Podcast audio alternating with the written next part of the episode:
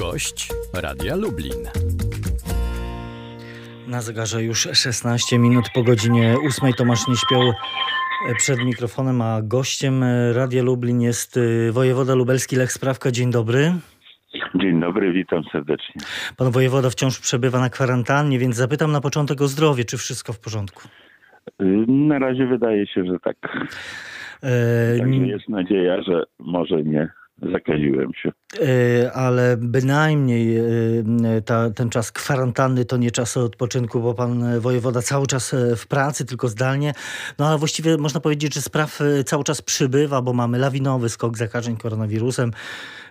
No w ostatnich dniach 2-3, a wczoraj ponad 4200 przypadków potwierdzonych zakażeń. No i wychodzi na to, że to, czego wszyscy się obawialiśmy, ten czarny scenariusz na, na jesień nadchodzi? Znaczy mm, ten czarny scenariusz, który był zapowiadany, wynikał między innymi też z objaw, e, e, z obaw, e, że będziemy mieli równolegle infekcje grypy i koronawirusa. Także ten problem jeszcze przed nami, ponieważ jeszcze nie mamy infekcji grypowych, grypopodobnych. Natomiast rzeczywiście bardzo duży wzrost y, y, infekcji koronawirusem, zakażeń koronawirusem y, jest no, dużym wyzwaniem. Y, od soboty cały kraj znajdzie się w strefie żółtej, w czerwonej, z, tej, z tymi najpoważniejszymi ograniczeniami y, będą 32 y, powiaty i 6 miast. No i w województwie lubelskim także będziemy mieli te dodatkowe restrykcje, obostrzenia. Trzy powiaty w strefie tak. czerwonej, Janowski, Łęczyński, Włodawski. No, w przypadku tych dwóch pierwszych to jest powtórka, natomiast dołączył powiat włodawski i tu też jest nie najlepsza sytuacja w powiecie lubelskim, gdzie jest y, aktywnych zakażonych dosyć dużo, grubo ponad 100. W przypadku Lublina tych zakażeń jest jeszcze więcej, bo jest ponad 200, ale warto zwrócić uwagę, że liczba mieszkańców Lublina jest znacznie większa. Także no, te liczby są bardzo wysokie. Liczba aktywnych zakażeń wszystkich ponad około 1400 w tej chwili, a to jest przecież potencjalne źródło zakażeń każda z tych osób. Stąd też wystarczy, że jedna z nich zakazi dwie, trzy osoby. Mamy wtedy już idziemy w tysiące. I e, dlatego e, rząd wprowadza politykę zero, zero tolerancji za nieprzestrzeganie obostrzeń sanitarnych. Ma być twarde egzekwowanie obowiązku zakrywania ust i nosa. Czy policjanci będą karać mandatami, czy może już to robią? Jak to w praktyce wygląda na terenie województwa? E, tak, jest to zapowiedź e, bardziej restrykcyjnego podejścia do egzekwowania e, ograniczeń, ponieważ lekceważenie ograniczeń tych wynikających z rozporządzenia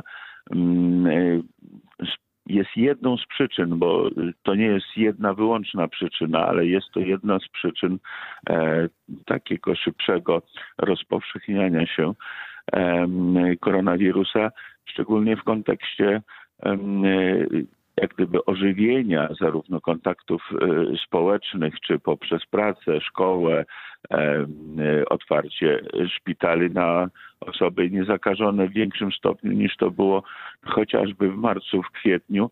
E, dlatego też taka decyzja i myślę, że ona pewien element powstrzymania sobie zawiera i dzięki temu może nie na ta krzywa wzrostu e, liczby zakażeń troszeczkę się e, wypłaszczy. Y, wczoraj, wczoraj minister zdrowia Adam Niedzielski zapowiedział też zmianę strategii postępowania z infrastrukturą e, szpitalną, tak to nazwijmy.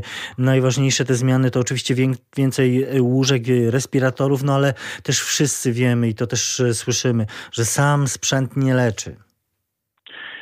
To znaczy, jeżeli chodzi o strategię, ona stopniowo y, ewoluowała, mówię o naszym województwie, my w te kierunki zmian wpisywaliśmy się nawet wcześniej, dlatego że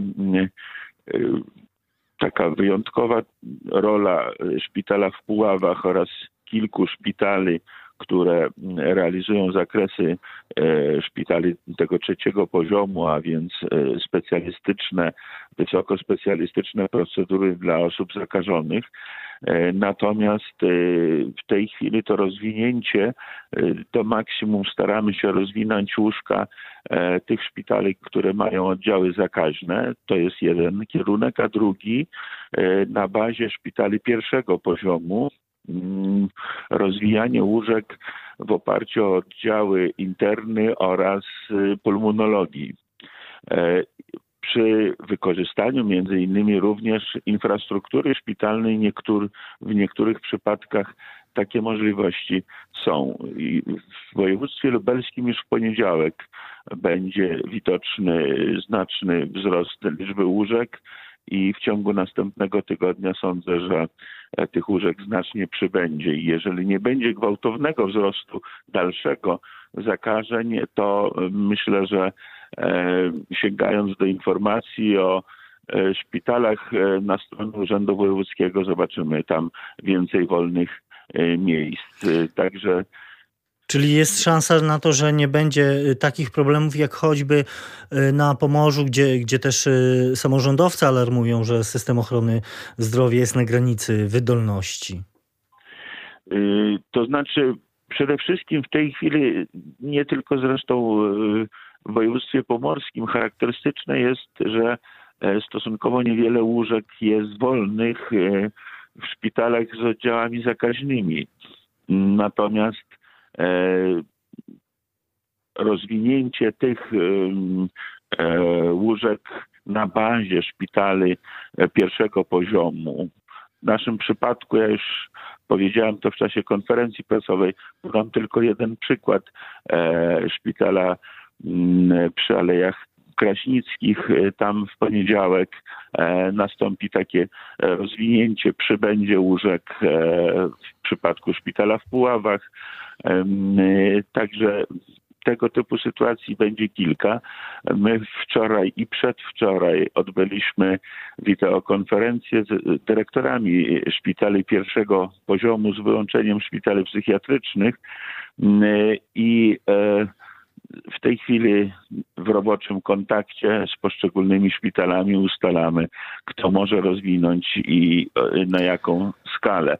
Równocześnie tu chcę zwrócić uwagę, że drugi taki kierunek, e, zwracam na to szczególnie uwagę, ponieważ jedną z przyczyn e, tego wzrostu jest szerzenie się ognisk takich rodzinnych. E, czyli tam, gdzie mamy do czynienia z izolacją domową. W niewielu przypadkach e, ta izolacja domowa, ona jest realnie możliwa, bo jeżeli w mieszkaniu mamy tylko jeden węzeł, na przykład sanitarny, trudno jest w 100% odizolować się od pozostałych członków rodziny. Dlatego też w tych wszystkich rozmowach wczoraj z dyrektorami szpitali z oddziałów zakaźnych, bo oni głównie kierują do izolacji domowej bądź do izolatorium, kładłem nacisk na to, żeby właśnie do izolatorium.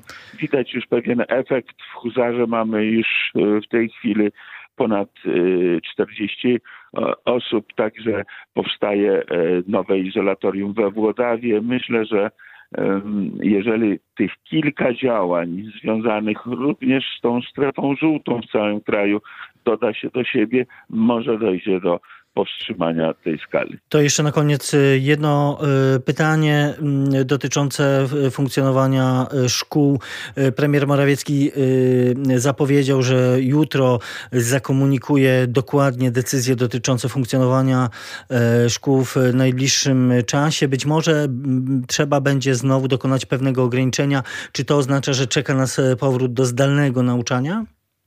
To znaczy być może, y, no, że y, jednoznacznych informacji w tym zakresie nie mamy. Tak jak pan premier zapowiedział, będzie, e, będzie decyzja. E, należy się liczyć z tym, że być może, nie, może nie w całości, ale w części mm, e, takie ograniczenie nastąpi. Które przy okazji ułatwiałoby y, bardziej dystans społeczny tych, którzy jednak kształciliby się dalej w formie tradycyjnej. Tu zwracam szczególnie uwagę na e, poziom tych dzieci najmłodszych w szkołach, ponieważ ich obecność w domu oznacza wtedy kłopoty i ograniczenie z kolei e, aktywności zawodowej rodziców. Stąd też być może, że tutaj będzie jakieś takie dualne rozwiązanie.